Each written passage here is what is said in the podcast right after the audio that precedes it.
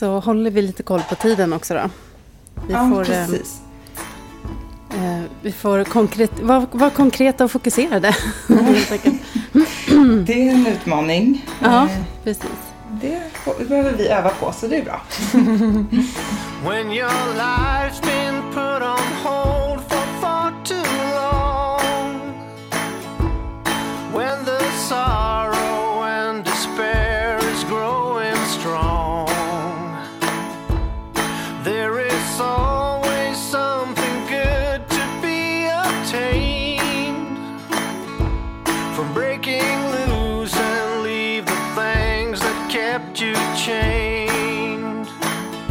Och välkomna till ett nytt avsnitt av Bortom ekorrhjulet. Eh, så här i sommaren inför semestertider så kanske det är många som kör på med full gas, alltså lite som vi pratade om i ett avsnitt nyligen. Med anledning av det så har vi bjudit in en riktigt spännande gäst och det här är något som vi har pratat om i länge, att vi skulle vilja prata med en livslevande hjärnforskare. Och idag ska vi göra det för att prata om stress och eh, kanske mycket också om eh, hur skärmar påverkar oss och vad man kan ta med sig in i sommaren nu för att må lite bättre, ta hand om sig själv lite bättre och boosta vår eh, kära hjärna som ju faktiskt ska se till att vi tar oss fram här i livet. Välkommen Sissela Nattli. Tack så mycket. Ja, jag säger Vem? också hej och välkommen då. Vi är ju hem, jag och eh, Sissela är hemma hos eh, Sissela idag och du är på distans i ladan i Särna. Som det brukar vara, titt som tätt. Jajamän. Vi brukar köra en sån klassisk eh, början att vi brukar be gästen berätta lite om sin bakgrund och ja, hur det kommer sig att du har hamnat där du har hamnat, att mm. du gör det du gör och så. Så att du får jättegärna mm. bara ge en liten kort resumé. Ja, absolut. Um, jo, men jag har forskat på hjärnans utveckling och formbarhet då på Karolinska institutet. Och sen um, har jag på sista åren då också försökt hitta sätt att kommunicera kring det här på ett sätt som är lättillgängligt. Um, där vi ja, har startat en ideell förening som heter Arts and Hearts och skrivit en musikal om den samtid som vi lever i nu och kombinerar då liksom vetenskapskommunikation med kulturuttrycket för att adressera frågan om psykisk ohälsa hos unga. Och så har jag skrivit den här boken då, Distraherad, hjärnan, skärmen och krafterna bakom som också berör de här ja, frågorna som vi ska prata om idag. Mm. Eh, jag har ju eh, läst din bok här nu precis dagarna innan vi skulle göra den här intervjun. Att man blir ju Ja, det är ju verkligen så här blandade känslor. Liksom. Eh, det, det, känns som att det är väldigt mycket som man så själv har gått och tänkt att så här borde det vara. Och sen så när man läser boken så får man bekräftat att mm. det, det, finns ett väldigt starkt stöd för alla de här känslorna som man upplever eh, av alltså, effekterna av allt det här skärmanvändandet och all input som man får hela tiden. Mm. Och det är superintressant verkligen. Alltså, mm. Jag rekommenderar alla att läsa din bok. Det, det känns som att den är väldigt välbehövlig. Ja, men jag tror vi alla brottas med de här frågorna ehm, och det behövs föras ett samtal eh, både på individnivå men också i samhället i stort kring hur vi ska tackla det här så att det inte går ut över vårt välmående. Ja, eh, för det känns lite som att också så som du beskriver boken, att, att det är som att vi har, vi har liksom skapat lite av ett monster som vi inte riktigt själva ännu är kapabla att hantera för just eftersom hjärnan inte riktigt har hängt med i, i mm. utvecklingen på samma sätt som all den här tekniken som vi har skapat. Men kan inte du berätta lite om så här, de här grunderna, liksom, hur hjärnan funkar och mm. ja, hur, hur den liksom relaterar till all den här mm. utvecklingen? Som... Ja, ja, men generellt så mycket av problematiken som du, som du beskriver är ju här att vi har så urgamla hjärnor som har följt med oss genom evolutionens tid där vi fortfarande än idag har prioritet eh, baserat på hur vi levde förr. Eh, så att såklart, överlevnadsfunktionerna är allra viktigast, de behöver vi aldrig tänka på. Men sen kommer nästa nivå upp som också har flera hundratusen år på nacken och det är ju de här emotionella drivkrafterna som driver vårt beteende än idag. Och det är vår strävan efter eh, ja, belöningar. vår nyfikenhet och våra rädslor. Eller, idag är det inte så mycket rädslan att dö utan det är oftast rädslan att hamna utanför eh, och att bli socialt exkluderad. Så vi har en otroligt stark längtan efter att få vara med. Och den är nog lite av kärnan till varför sociala medier har blivit så, så stort. Det triggar alla de här tre, nyfikenhet, eh, belöningar och eh, längtan efter samhörighet. Mm. Och har man det som bakgrund så kan man lättare förstå varför, varför vi dras så mycket till det här. Och, och sen i kombination då med väldigt skicklig interaktionsdesign så, så blir det så att det blir svårt att lägga bort den och, och ähm, ja, göra annat fast vi egentligen vet att åh, jag borde nog röra på mig istället för att scrolla en halvtimme till och sådär. Det gör vi ju inte medvetet utan det bara blir så. Hur, mm. hur stark är den, ehm, vad ska man säga, kan man kalla det ett beroende? Eller är, triggar det samma, samma delar? Alltså, framförallt så har vi ju skapat väldigt starka vanor eh, mm. genom att associera ett beteende med en känsla. Och då har vi skapat eh, vanemässiga beteenden. Sen om man ska kalla det beroende eller inte beroende, då, då är det ju verkligen att det ska ha blivit ett problem. Att det ska gå ut över andra saker och eh, Ehm, ja, gör att, att det faktiskt påverkar livet på ett starkt negativt sätt och att man inte kan sluta och inte kan kontrollera sitt användande och sådär. Och det är, det är säkert många som är, känner igen sig i, i det. Men det är inte någon diagnos eller så, utan det är väldigt starka vanemässiga beteenden som många av oss har utvecklat.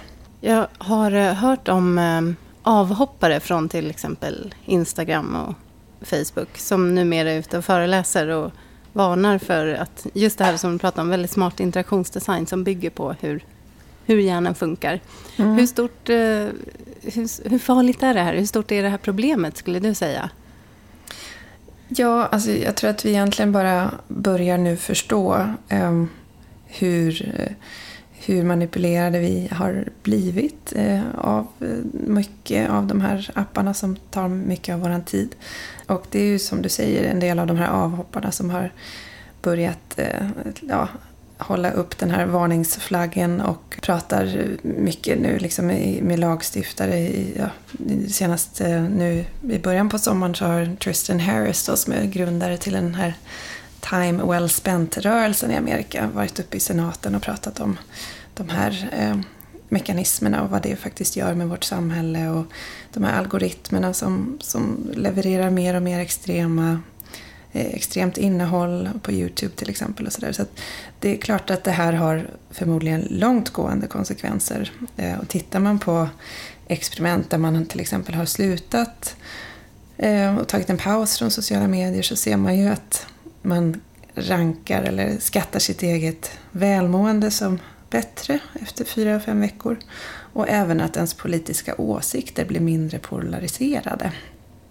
Så det är klart att de här effekterna förmodligen finns där. Men det har inte gjorts några systematiska undersökningar innan hela samhället har tagit sig an det här. Utan nu försöker man göra studier så gott man kan i efterhand. Och det blir inte riktigt mm kvalitet på de studierna. När man till exempel då ska sluta istället för att undersöka vad som händer när man börjar. Just det, för det skriver du också om i boken, att det inte går att göra sådana här randomiserade studier som det kallas. Precis. Ehm, för att det finns helt enkelt inte ett urval att plocka ifrån Nej. av folk som, som inte har smartphones. Liksom. Exakt. Och det, bara det är ju också ett ganska skrämmande exempel på hur, vilket jäkla genomslag det här har haft. Att ja. alla barn i ja. princip har, alltså från väldigt låg ålder, ja. har egna liksom, mobiler och använder alltså, ja, alla möjliga appar och Ja, och, och spädbarn använder surfplattor och så. Ja. Mm. Jo, det är ett gigantiskt experiment och vi, vi vet inte och vi kommer inte veta på, på länge vad det har för liksom, hela konsekvenserna av, av det här. Nej. Men om vi ska prata lite mer om just det här med barns skärmanvändande, för det skriver du också en hel del om i boken. Att det här med att det, det fi, finns ganska tydliga stöd för att om man låter barn liksom fritt använda skärmar Mm. eh, och eh, bara sitta och själva liksom, eh, ja, scrolla och använda meningslöst innehåll. Eh, att det kan ha ganska liksom, alltså, tydliga konsekvenser. Men att man fortfarande, man kan använda skärmar men då ska man ha liksom ett Ja, att det mer ska vara som eh, när man använder klassiska, alltså kanske mer så här, jag ska säga, pedagogiskt utformade, som, ja, allt möjligt som finns sen, sen tidigare, alltså böcker och pussel och allt sånt där. Men att man har en vuxen med som är med och liksom ger feedback och eh, man får, ja, att barnet får liksom en, ändå interagera tillsammans med en vuxen. Mm. Vad är det som, kan du berätta lite om det, vad som händer? Liksom? Ja, ett par saker att plocka upp där är väl att det, det beror väldigt mycket på vilken ålder barnet är i. För eh, den unga hjärnan är väldigt, väldigt, väldigt formbar. Alltså det är en väldigt stor skillnad att sätta en ettåring eller tvååring framför en skärm jämfört med en sex eller sjuåring. Det, så att när man pratar om barn och skärmar så måste man verkligen ta hänsyn till vilken ålder är det på barnet. Och jag tror många glömmer bort att just den lilla hjärnan är så formbar. För det är hela poängen med eh, eh, den här plasticiteten i början. Att hjärnan formas om baserat på vad vi ger den för stimulans. Och det händer inte bara av sig självt utan beroende på vad man matar den med så kommer det gå åt olika håll, utvecklingen. Ehm, så att just unga hjärnan ska man vara extra försiktig med när det gäller att eh, leverera material som är väldigt repetitivt eller som inte innehåller den här mänskliga eh, interaktionen som, ehm, som vi vet är grunden till, till lärande. För att vi, vi är Eh, väldigt beroende av just det sociala i början. Så att eh, de studier som har gjorts, vi, även här så vet man ju inte liksom de långsiktiga konsekvenserna utan tittar man på det som har gjorts så har det varit dels att bara titta på skärmtid på unga barn och då har man liksom kunnat dra slutsatser om till exempel tv-tittande, mycket tv-tittande och bara liksom pacificerat eh, mediekonsumerande då eh, är kopplat till en försening av vissa funktioner ett, ett och två och tre år senare. Så att titta mycket på TV innan man är två år eller titta på YouTube-klipp eller motsvarande nu, nutida eh, aktiviteter är försenat med senare språkutveckling, socioemotionell utveckling och impulskontroll och nu också uppmärksamhetsproblematik.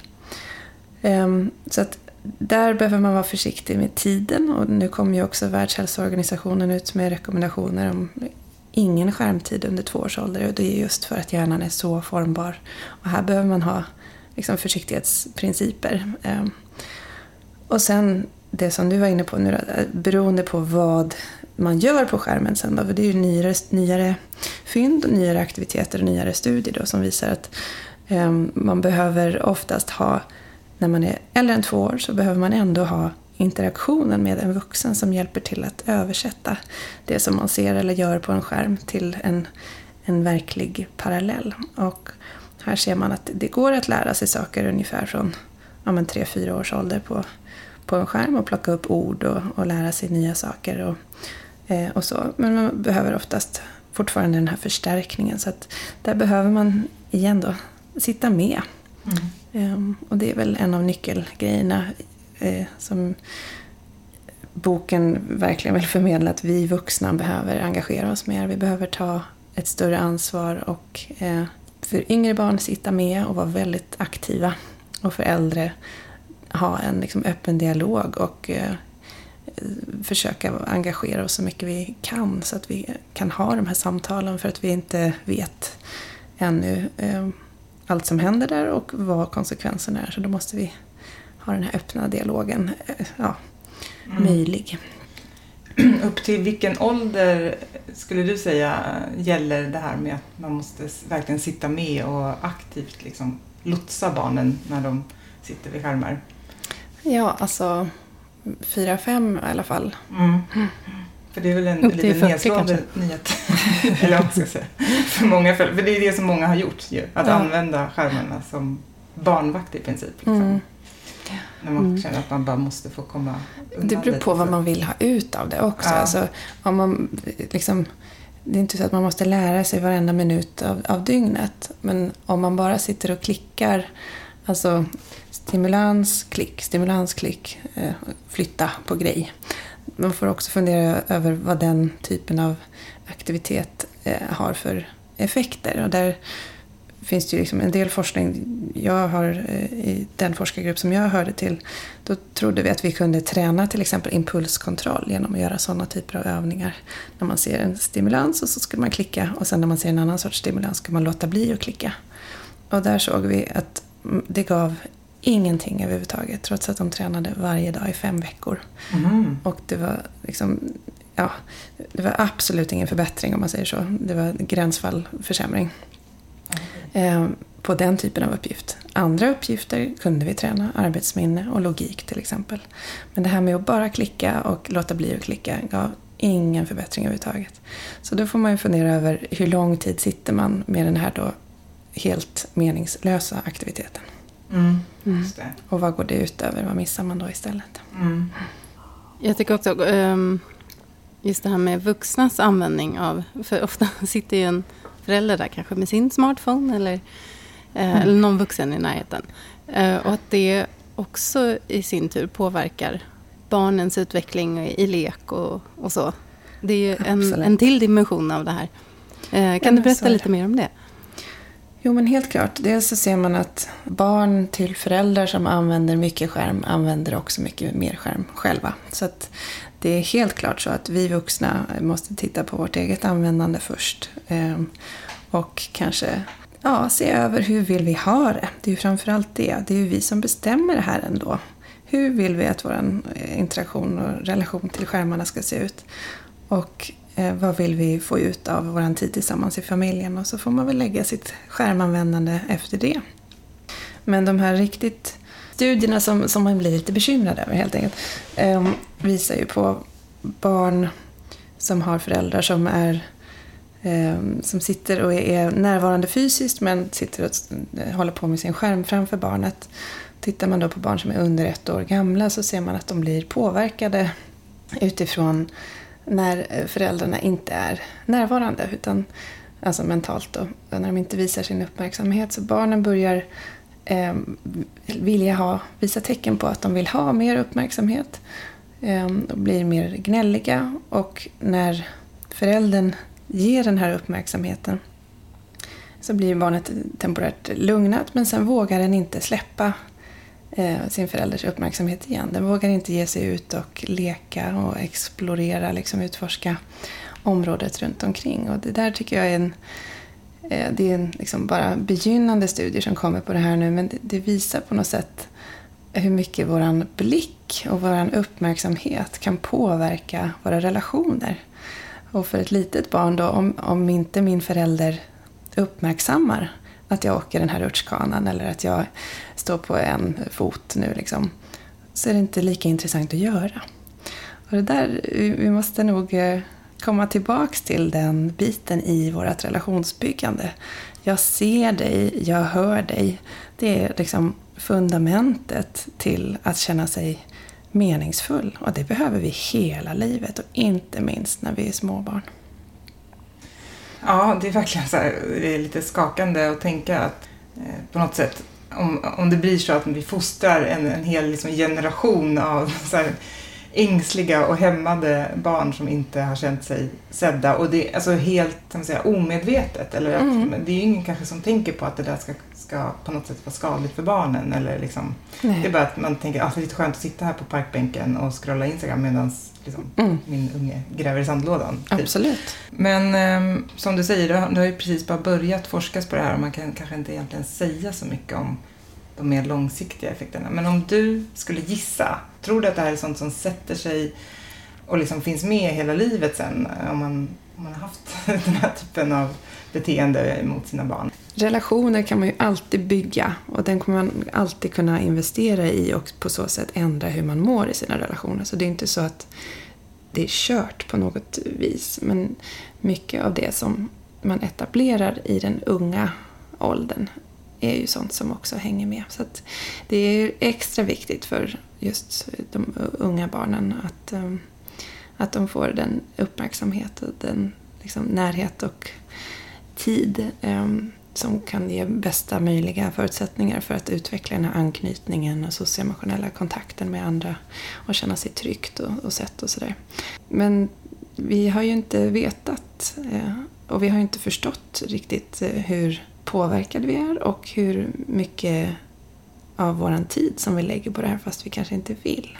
Mm. Ehm, så jag tror att vi håller på kollektivt nu att ifrågasätta det här beteendet och vakna upp och fundera över hur vi vill ha det. Ehm, men relationer kan man alltid bygga och eh, ändra så att det är inte det är inte kört på något vis utan vi, vi måste bara bestämma oss för hur vi vill ha det och, och göra därefter. Mm. Eh, apropå det här då med eh, det som du nämnde innan att WHO eh, nu eh, har, eller WHO, WHO nu har gått ut och liksom mm. rekommenderat mm. verkligen att man inte ska använda skärmar till barn under två år överhuvudtaget. Mm. Mm. Eh, och så har ju vi nu precis i dagarna har det väl eh, fattats beslut om en ny läroplan. Eh, ja, den, den började gälla från första juli. Ja, nya styrdokumenten mm. för förskolan. Mm. Där det då lite tvärtom kan man väl nästan säga står att eh, digitala hjälpmedel ska användas. Och det är väl hela vägen, alltså även från förskolan som jag har förstått. Eller? Ja, precis. Det, liksom, det, ja. det, som kom nu var att eh, digitaliseringen eh, ska börja tränas på i förskoleåldern. Så det, ja, just det. För de allra yngsta också. Och, och i skolan har det ju redan varit så. Mm. Vad tycker du om det? Retorisk ja. fråga. Ja, nej men eh, det här kan man ju göra på, på bra sätt eh, utifrån det som forskningen säger och på mindre bra sätt. Och så som de är skrivna nu så är det enligt mig för stort tolkningsutrymme att man kan faktiskt jobba med skärmar på det sättet som, vi, som forskningen verkar visa att inte är lämpligt och kanske till och med förenat med försening av olika eh, funktioner om det blir för mycket. Och då ska man också komma ihåg Alltså, eftersom vi inte har haft eh, information eller rekommendationer om det här och vi ser att statistiken är redan sån att de flesta tvååringar har redan tillgång till internet och eh, jag tror att det är 25 procent av barn under ett år använder internet. Så det, det här är ju någonting som man ja, rent signalvärdesskäl borde gå ut och informera om. Mm. Inga skärmar under två års ålder baserat på den forskningen som finns idag. Sen så har jag efterfrågat var är forskningen som stödjer det här beslutet? Varför ska man jobba med den här typen av ja, källkritiskt tänkande, datalogiskt tänkande? Och det är absolut viktiga saker, men varför ska vi göra det i två, tre, och fyra och femårsåldern? Eh, och det finns ingen forskning, som jag känner till i alla fall, som visar att det skulle vara med fördel att, att börja med det i den här åldern jämfört med senare. Och där ser jag ju främst risker eftersom mm. ja, eh, det redan är så en personalomsättning i förskoleyrkena och eh, väldigt mycket resursbrist som det är. Så det, det står dessutom då inte förtydligat om det är så de menar att, att man inte ska jobba med skärm utan det står som ett exempel att man ska jobba med pedagogiska appar och träna på turtagning och så vidare. Så att, enligt mig så är det här helt obefogat. Vad har du fått för svar på den frågan då, när du har ställt den? Om det finns forskning som, som de har lutat sig mot? Ja, nej, det, jag har inte fått något svar om... Jag har inte fått några referenser till vad de, vad de pekar på skulle ligga till grund för det här, utan det är ett politiskt taget beslut. Mm. Jag tänker, det är som att det är en, en effektivitets och produktivitetsjakt liksom som bara går ner i åldrarna. Att det finns liksom just den här tiden för lek och utforskande. Mm. Eh, att det ska styras ändå så långt ner. Det tycker mm. jag är en skrämmande utveckling. Men jag tycker att det är intressant den där, just att, att hjärnan i sig är utvecklad under, som du säger, ja, de äldsta delarna under miljoner år och de liksom, moderna delarna som eh, vårt analytiska tänkande, pannloben och det, under en kortare period. Men, mm. Eh, och att vi inte är mogna för den här. Men att vi samtidigt har den här plasticiteten i hjärnan. Mm. Eh, och att, den, att vi kan forma om delar av hjärnan genom vårt beteende. Jag, jag undrar om det är allmänt känt eller om, och, och, hur vi kan förhålla oss till det. Hur påverkar det oss i vårt dagliga liv? Ja, alltså ehm, jag vet inte om det är allmänt känt. Eh, men det jag tycker att det är väldigt hoppfullt, de här budskapen som kommer från neurovetenskapen, att det är precis som du säger, baserat på vad vi ägnar oss åt och det vi lägger vår tid på. Det påverkar vår hjärna. Hur den kommer att svara på de här miljögrejerna. Och det kan bli både till liksom, fördel och till nackdel. Då.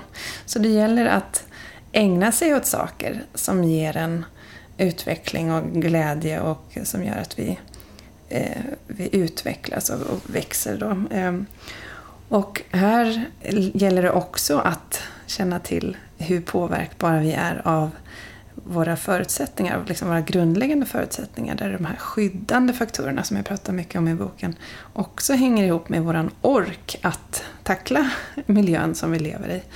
Och här tror jag inte att man riktigt har förstått, eller nu kommer det ju fler och fler studier men, och kanske diskussion kring det också, men sömnbristen, alltså hur viktig sömnen är för vår återhämtning men också för vårt lärande och skydd mot depression till exempel. Um, ja, där och, har ju skärmar också en... Eh, ja, kan vara en bov i, i dramat. Ja, precis. Det, man pratar mycket om liksom den ökande psykiska ohälsan hos, hos ungdomar framför allt. Eh, och här bör man också föra den parallella diskussionen om den ökande sömnbristen hos ungdomar. För den har ökat under ungefär samma tidsperiod som den psykiska ohälsan har ökat. Och där skärmarnas intåg har eh, visat sig ha en väldigt tydlig koppling till den ökande psykiska ohälsan också. Inte minst de sista tio åren då när många faktiskt sover med mobilen, inte bara i rummet men liksom i sängen. Och vaknar under natten och eh, liksom tittar i sociala medier under natten. Eh, och ibland kanske bara för att kolla vad klockan är när man vaknar upp. Men eftersom tröskeln är så låg då att plocka upp den. Den ligger precis där. Plockar man upp den och så ser man, börjar man se saker på displayen. Och så sätter man igång och, och börjar engagera sig. Och där har vi signaler om att ja, dags att vakna. Mm. Och så tar det här av då den här väldigt, väldigt viktiga skyddande tiden som sömnen är.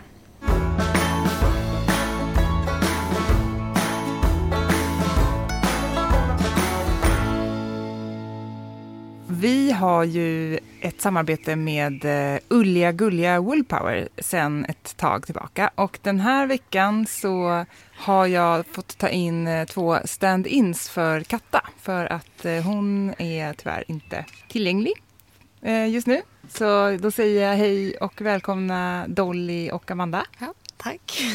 tack. Mina döttrar är ni ju. Ja. Eller hur? Ja. och jag tänkte så här att um, jag, jag kör ett litet test på er. Det är ju sommar nu och det är ganska varmt ute. Och nu tänker jag att vi gör ett litet tankeexperiment. Eh, och så säger vi att vi ska ut på någon slags utflykt eller någonting. Vi kanske ska ut och plocka bär i skogen, som vi gjorde häromdagen. Plockade blåbär. Eller att vi ska ut på någon annan tur. Och så säger jag så här, okej okay, tjejer, nu ska vi sticka iväg. Ta på er era ulltröjor nu. Hur, vad skulle ni säga då? Nej, det det... Nej. Det är för varmt för ulltröja. Ja, just det. Och det är ju en ganska rimlig tanke. Så tänker nog många. Att man har inte ull på sig när det är varmt ute. Men, vet ni en grej? Woolpower, mm. de har tagit fram en, en speciell kollektion med kläder som de kallar för Woolpower Light. Som är jättebra att ha på sommaren också.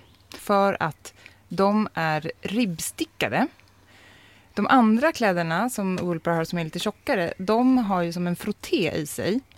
Och de är liksom gjorda för att den här, den här luften som finns i frottén håller kvar värmen mot kroppen. Och det kan ju bli lite varmt på sommaren, eller hur? När det redan är varmt ute. Ja. Men då om man använder de här Woolpower Light-kläderna istället, då är de liksom gjorda för att vara svala. Och Vet ni en annan grej med just ull jämfört med andra material? Ull är ju ett naturmaterial. Vet ni eh, varför det är bra att ha ull på sig om man svettas? För att det inte så här, samlar ihop. Alltså det, Em, Det lättar, det släpper, mm, det luftar. ja, och Ja. sen så suger det väl inte åt sig svettet. Precis. Det är nämligen så att ull jobbar liksom för att reglera temperaturen. Så att det släpper ut fukten. Alltså det, det suger upp fukten och släpper liksom ut det på andra sidan plagget kan man säga. Så då har man ändå hela tiden en torr känsla mot huden och slipper gå omkring och vara så här blöt och svettig och äcklig. Så det är superbra, eller hur? Så nästa gång vi ska ut på tur när det är varmt ute och jag säger så här Hörni tjejer, ta på er era Woolpower Light-tröjor. Vad säger ni då? Yes! Ja! Och vad säger vi mer?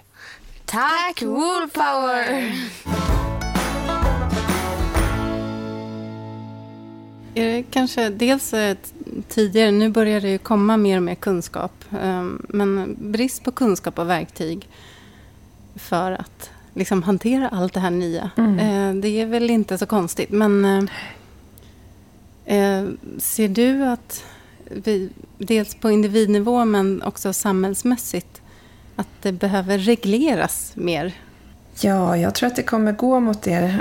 Det, här har ju kommit så snabbt, ehm, all den här tekniska utvecklingen. Och den har ju otroligt mycket uppsidor också, fördelar. Annars skulle det inte ha gått så här snabbt och tagits emot så här brett. Så att, eh, det är inte ett dugg konstigt egentligen att det här bara har skett. Och det är först nu som man börjar eh, fundera över baksidorna och eh, titta på vad är det som gör att så många av oss känner att vi lägger mer tid än vad vi vill till exempel på, på våra telefoner. Eh, Det kom en rapport häromdagen bara från ungdomar.se som visade att två av tre ungdomar till och med känner att de lägger mer tid än vad de vill på sin telefon. Och de vill ha hjälp. De vill ha vuxenvärldens stöd och vägledning för att eh, reglera det här för sig själva. Och det måste vi vuxna svara på. Och vi är i samma sits. Det har gått så fort för oss också, så vi eh, har ju förmodligen exakt samma känsla av sig. Men jag vet inte heller. Hur ska jag göra och varför är det så här? Och är det bara jag som har så dålig självkontroll? Och varför kan jag inte låta bli den? Och jag vet ju egentligen. Liksom, alla de här känslorna tror jag att vi, vi är väldigt många som delar. Och då måste man ju till med just kunskapen för att förstå, okej, varför ser ut så här? Och det är väl det som jag hoppas att boken kan bidra med lite grann också, en förklaringsmodell så att man inte behöver känna den här skammen och skulden över att jag är så usel utan snarare, jaha, jag har visst en urgammal hjärna som definitivt eh, agerar helt normalt när den reagerar så här på det här sättet.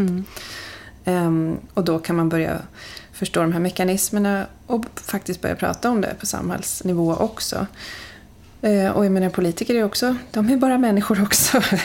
vi måste, eh, det här måste ju liksom mogna fram i samhället där vi behöver titta på vad är hållbara lösningar. Och, eh, Storbritannien har tagit fram ett förslag nu där man har regleringsförslag just utifrån tjänster som riktar sig till barn och ungdomar. Som absolut inte kan förväntas ha den här impulskontrollen som, som vi vuxna också har svårt med. Men hur kan vi skydda, skydda dem så att de inte behöver hamna i till exempel eh, problematiskt användande eller faktiskt till och med beroende av dataspel eller andra tjänster för att interaktionsdesignen har med flit använt sig av beroendeframkallande algoritmer till exempel. Ehm, För att maximera sin liksom, intäkt. Och där behöver vi kanske ta lite större etiska diskussioner på global nivå och skapa mer värderingsstyrda tjänster och, och reglera vad man ska och inte ska få göra, särskilt när det kommer till barn. Mm. Jag, jag var lite nyfiken där, för jag, eh, vi har ju en eh, gemensam eh, vän kan man säga, som har en eh, podd som heter Health for Wealth där du var med Ja. för inte så länge sedan. Just det. Och då så nämnde ju du där att du skulle träffa Facebook, eh, eller hur? Ja. Eh, Som du har gjort väl nu då, Just antar jag. Ja. Ehm, Kan du säga någonting om så här, hur de liksom, har de en plan framåt för att på riktigt ta tag i de här problemen? Eller Ja, vad fick du för ehm, känsla? Liksom? Eh, De gör ju eh, en hel del utifrån, det, det, jag menar, det, det är så många aspekter av eh, sociala medier som kan vara pro- problematisk. Inte minst liksom fake news och också olika former av eh, illvilja och, och självskadebeteenden och annat. Så de, de har väl börjat i de extrema ändarna kan man väl säga för att försöka hantera det som är mest eh, skadligt eh, eller uppenbart dåligt. Sådär. Det som vi diskuterar nu och som jag pratar om mycket i boken handlar ju om mer basal interaktionsdesign och eh, liksom tiden man lägger på de här tjänsterna. Där det såklart är en, en sweet spot för dem Mm. någonstans att sådär, göra åtgärder så att eh, det ska kännas meningsfullt att vara där men de är fortfarande ett bolag. Det är ju deras, jag menar, de ska tjäna pengar åt sina aktieägare. Det, det, det är det enda de, som de har som uttalad eh, målbild för alla företag och det är inget konstigt med det. Men när man når 2,3 miljarder användare så, så kommer det ju massa andra aspekter med också. Eh, Så det är de ju fullt medvetna om. Det är bara frågan om hur, hur långt de är villiga att gå för att eh, reglera det här och, och till vilken ekonomisk eh, kostnad. Eh, Ja, för det står ju i rak motsats till deras affärsmässiga intresse att, att vi ska ägna mindre tid. Eh, Ja, så som affärsmodellerna kanske ser ut just nu. Det, Mm. det kanske finns andra, jag menar, det finns ju andra bolag, Spotify inte minst, som har en eh, annan affärsmodell där man betalar eh, ett liksom, abonnemang istället. Eh, och Mm. så finns det en gratisversion. Men den, det valet har ju inte Facebook gjort till exempel. Så att, ja, jag, jag kan inte svara för hur, hur de tänker Nej. framöver. Men, Det är en ehm, intressant fråga. Ja, det är en, en, absolut en intressant fråga. Och de, de, gör, de har ett forskningsteam som jobbar på well-being-området eh, som är genuint intresserade. Så man får väl se hur, hur det här eh, tacklas. Och eh, klart står ju att vi behöver agera på alla delar av samhället och då måste vi ha techbolagen med eh, för att det här ska regleras. Och det kommer nog behöva självregleras eftersom det inte finns någon global liksom, laglig instans som kan trycka igenom ja, sådana här mekanismer utifrån ett lagligt perspektiv. Nej, det är ju svårt. Liksom. Mm. Det är alltid svårt med eh, stora förändringar på glo- global nivå. Eh, och det pratar vi om också i en parallell diskussion om klimatet och sådär. Men, eh, hur, ehm, men hur rent konkret påverkas hjärnan? Eh, jag kan ju till exempel känna, och jag vet att mm, flera vänner som jag har pratat med har känt samma sak, att min förmåga att fokusera har blivit sämre. Jag, jag läser inte böcker längre, det gjorde jag jämt förut. Mm. Eh, och där kan jag undra, så här, är det bara det att jag har liksom ersatt det med någonting annat?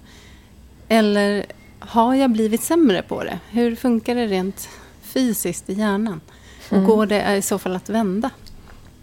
Ja, ehm, jag börjar med de goda nyheterna. det går att vända. Man kan träna sin uppmärksamhet och det kan man göra under hela livet. Ehm, Så dels, ehm, det beroende på vad man återigen ägnar sig åt. Man kan ju liksom aktivt träna upp sin uppmärksamhet med arbetsminnesträningsövningar till exempel och så vidare. Men eh, det finns inte så många studier som lyckades göra just sådana här som vi pratade om, randomiserade kontrollerade studier innan alla hade köpt sina smartphones. Men en som jag har hittat gjorde faktiskt det, precis i, i gränsen här innan alla hade köpt. Um, och de visade att på tre månaders smartphoneanvändande så fick man sämre eh, uppmärksamhet. Och ja, man presterade sämre på eh, till och med huvudräkningsuppgifter efter tre månader. Ehm, Man blir dummare helt enkelt. Ja, man, man, man, får, man blir påverkad i sin... Alltså, och det kan nog handla både om i stunden, eh, för det finns andra studier som visar då att bara vi har blotta närvaron av mobiltelefoner påverkar vår uppmärksamhet. Eh, Förmodligen för att vi försöker låta bli den. Så det går liksom en viss del av kognitiva resurser till att Eh, försöka att inte ta upp den. Liksom om den ligger nära. Om den ligger utanför rummet så har vi inte de här effekterna. Så det är liksom en närhetsprincip som man ser där. Eh, men sen så handlar det nog om uthållighet. Att när vi inte tränar på att ha fokus under längre tid ehm, och när man pratar om liksom upprätthållande av uppmärksamhet så är det liksom 20 minuter eller sådär när man pratar om att försöka fokusera under längre tid om den tiden eh, inte blir eh, tränad på, eller den eh, typen av funktion, så är det klart att våran eh, eh stamina, våran, våran ork, våran uthållighet för den typen av koncentrationskrävande uppgifter avtar. Ehm, så det kan vara sådana mekanismer i, i görning där. Man vet inte riktigt exakt ännu. Sen är det väl också det här som vi då säger att vi gör, att vi Mm. multitaskar och liksom sitter och hoppar från så här, vi kollar mejlen samtidigt som vi skriver på någon eh, rapport på Mm. jobbet till exempel och sen så dessutom så plingar det till i telefonen och, så, och att man liksom hela tiden flyttar uppmärksamheten. Mm. Det är, skriver också, det är ju en Mm. myt att det funkar liksom inte. Vi klarar liksom inte av det. Eh, Kan du berätta lite om det, just om de Mm. effekterna av att hoppa runt? Ja. När vi ska tänka på någonting här och nu så använder vi en funktion i hjärnan som kallas för arbetsminnet. Och det är ett väldigt begränsat utrymme eller funktion. Och det är som en liksom, dators processkapacitet kan man säga. Så vi kan egentligen bara fokusera på en sak i taget med vårt lilla arbetsminne. Och försöker vi göra två saker, då är det eh, egentligen så att vi switchar. Vi kastar in och ut saker i, ur det här lilla arbetsminnet. Och det blir väldigt ineffektivt. För det tycks vara så att när vi switchar så blir det ett litet, litet spår av det som vi höll på med nyss, innan vi switchade, kvar i arbetsminnet som tar utrymme. Och så gör vi det här gång på gång på gång så blir det väldigt eh, mycket skräp i arbetsminnet. Ehm, och tittar man på liksom kostnads Eh, effekten av att switcha så är den liksom flera hundra, alltså 500-600 procent. Så att det, det, tar, det är mycket mer ineffektivt att försöka göra två eller flera saker samtidigt än att bara försöka göra en sak åt gången och göra färdigt den tills man är helt klar. Men gäller det också monotona arbetsuppgifter? Om man säger att jag plockar blommor och lyssnar på en podd samtidigt. Mm. Nej, utan det här gäller alltså när man kräver samma kognitiva resurser. Mm. Så det går alldeles utmärkt att plocka blommor och lyssna på en podd. Eh, Men om du ska lyssna på en kompis samtidigt som du ska skriva sms så kommer du inte Mm. vara en bra lyssnare eller en bra skribent av det där smset. Det kommer kosta på. eh, För då behöver du båda dina språkliga resurser i båda de här sammanhangen. Gud vad skönt. Då kan vi bara släppa det där med att vi ska försöka vara duktiga på att multitaska. Ja. För det känns som att det är någon slags också så här, som folk nästan eh, skryter med lite. Eller så Ja. att, ja, och kanske i arbetsintervjuer och allt sånt också. Ja, liksom, precis. Många bollar i luften. Just det. det går liksom inte, så vi kan bara släppa det. Ja, faktiskt. Ja. Eh, Och det är ju en av liksom, ambitionerna också med att eh, förmedla den här kunskapen. Att vi måste sluta ha de här orealistiska förväntningarna på oss själva och på varandra. eh, Och anpassa oss till våra hjärnors begränsningar så att vi kan ta bättre beslut och- och må lite bättre och slippa känna så här, åh, jag är så usel hela tiden. Ja, så sluta. Försök det där som du inte menade att göra. Ja, exakt. Det borde egentligen vara ganska enkelt. Liksom. Mm.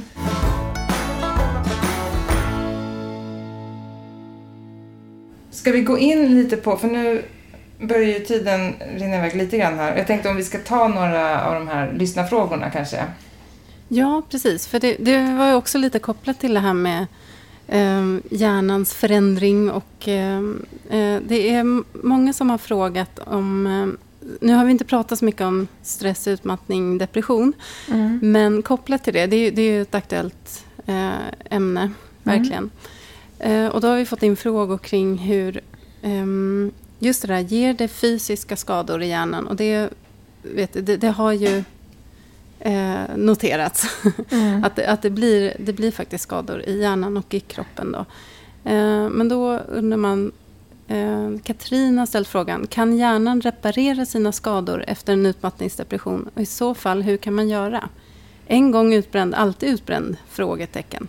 Bra tips till att bromsa sig själv. Ja, alltså man ser ju, som du var inne på, i hjärnan när man har gått under en längre tid och utsatts för för mycket påfrestningar och stress från miljön så ser man ju att hjärnan eh, tar skada av det hormon som är det här kortisol, vårt långvariga eller långsamt verkande stresshormon.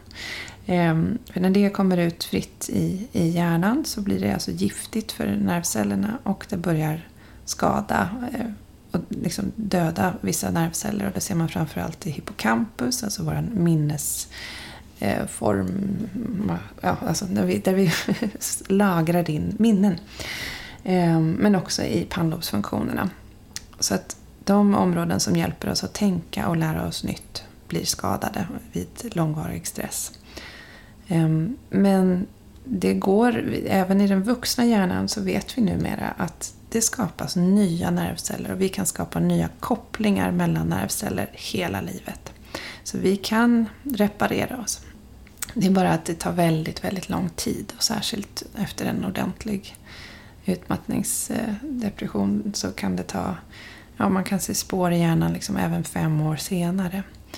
Så att, och det betyder inte att man är lika illa däran efter fem år men att man fortfarande ser ett, ett, ett, spår. Så att det tar väldigt lång tid att komma tillbaka och man får verkligen ha tålamod med sig själv och eh, liksom visa den här eh, själv kärleken som man alla kämpar med tror jag. Eh, och ha den där eh, långsiktiga eh, planen att, att anpassa sig till sin nya situation och komma tillbaka lite, lite, lite i taget och låta det ta tid. Och då är det mycket återhämtning och vila och att hitta energi i de glädjekällor som man har eller skapa nya glädjekällor i sitt liv. Mm. Mm. Träning är väl också en, eller motion, en fysisk aktivitet. Ja, är väl också absolut. rena mirakelkuren för hjärnan har jag förstått. Så är det verkligen. Det? Ja. ja, och inte minst utifrån just plasticiteten. Man ser att när man har haft konditionsträning så får man ett större uttryck av olika eh, mekanismer och ämnen i hjärnan som stödjer den här plasticiteten. Alltså att man skapar just nya kopplingar eh, till större grad efter att man har motionerat. Så det kan ju hjälpa att, att reparera. Mm.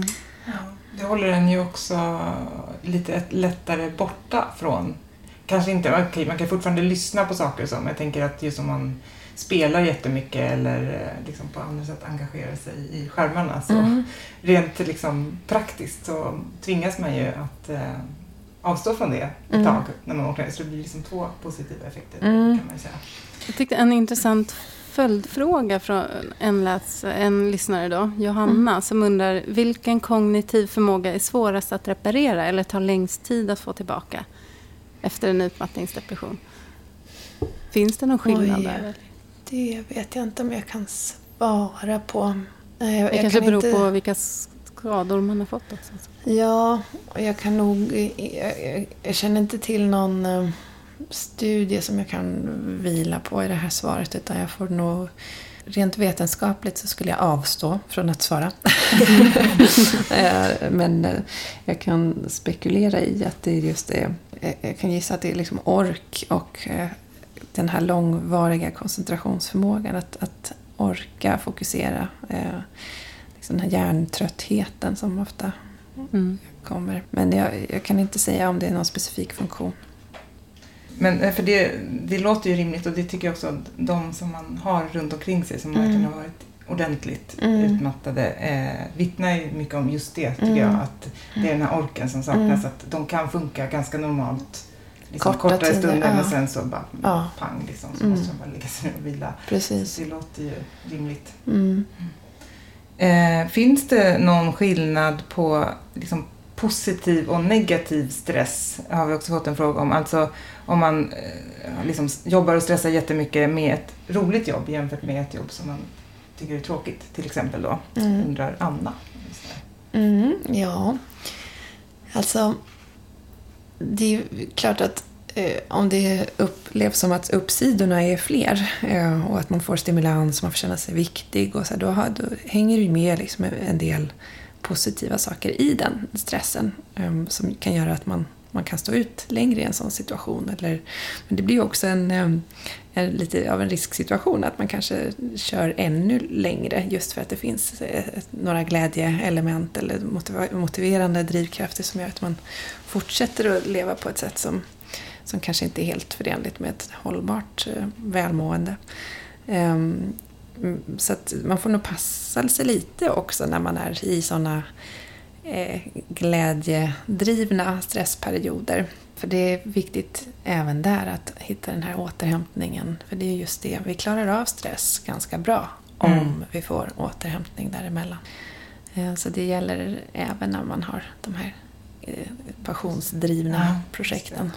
Men upplever liksom hjärnan någon skillnad? Alltså, Skadorna som kan uppstå? om man pratar om liksom långvarig stress så är det ju kortisolet som, som gör Mm. att de här skadorna uppstår. Sen kan ju motion till exempel motverka kortisolets effekt. Så om man har ett om man får till sådana skyddande faktorer eller om man har det som del av sin stressande, passionsdrivna eh, arbetssituation, då kan man ju få ett skydd kring det. Men har man eh, kraftfull och långvarig kortisolutsöndring i hjärnan, då ser den lika Mm. skadlig ut oavsett om man eh, också har kul däremellan. Liksom. Mm. Men om man är stressad maratonlöpare så behöver man inte vara så jätterolig. ja, eh, just maraton är ju lite av en påfrestning för kroppen också. Så att, eh, halv maraton. Ja, vi landar där. Eh,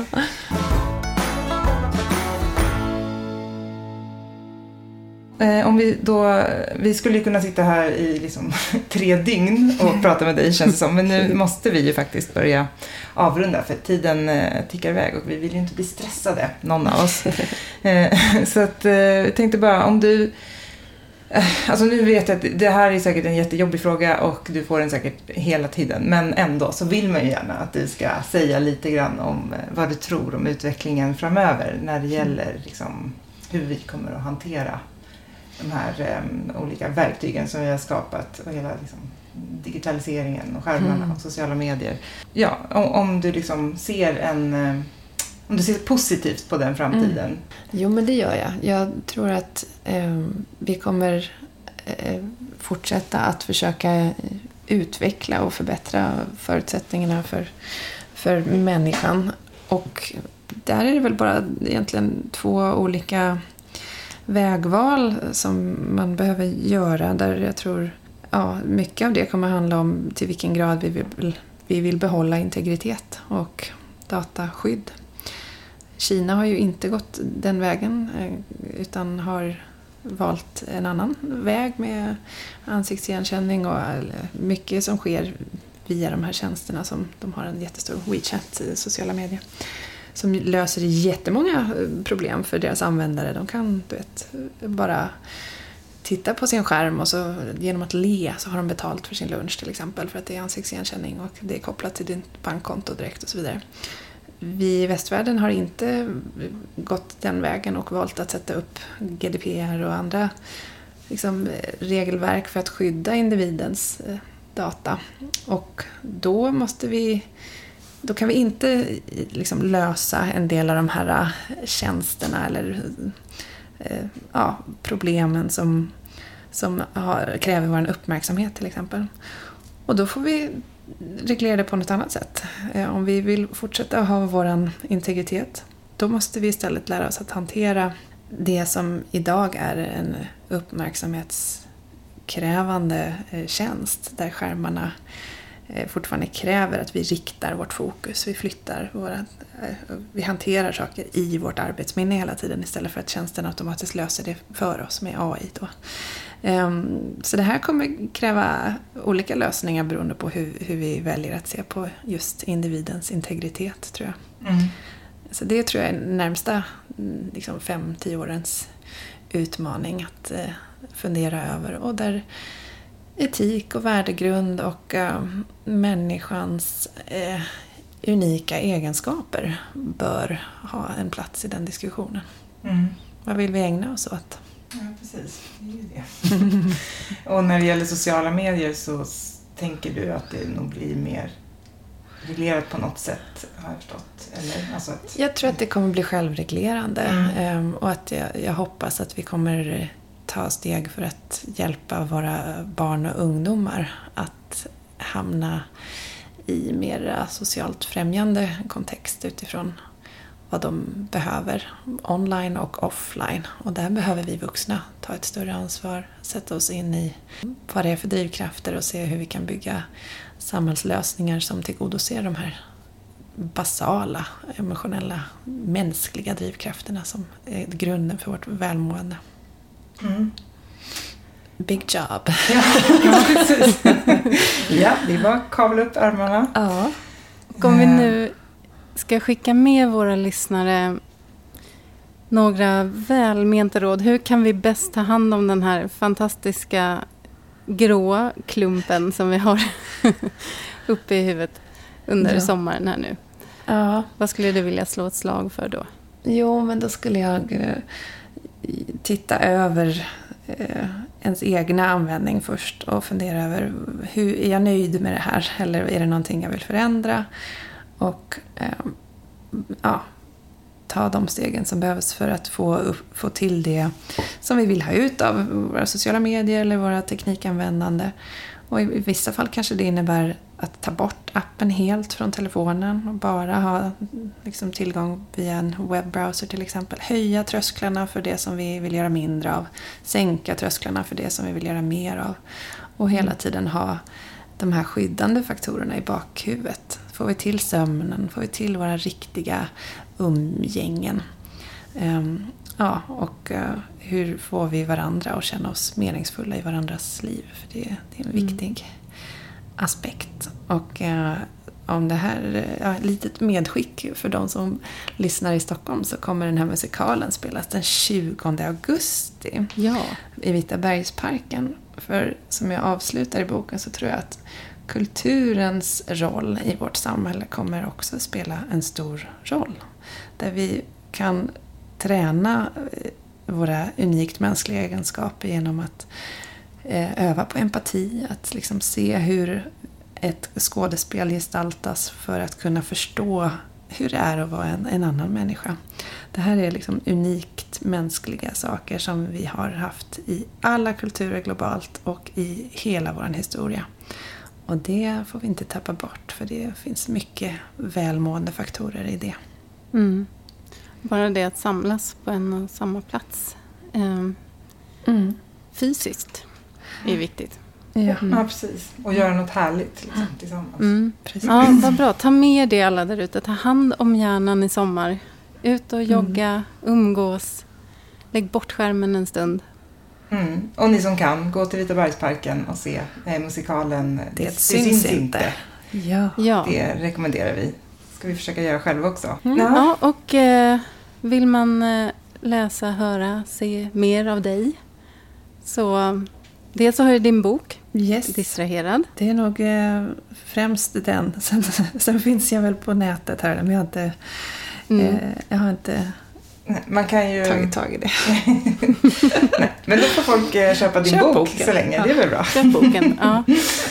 Härligt. Tack så jätte, jättemycket för att vi fick eh, låna dig en stund. Det var superintressant. Tack för att jag fick komma. Så hörs vi igen om två veckor. Och det gör vi. Vi tackar Epidemic Sound och Sven Karlsson för musiken. Ha det så bra där ute. Hej, hej! Hej då! Hej då! So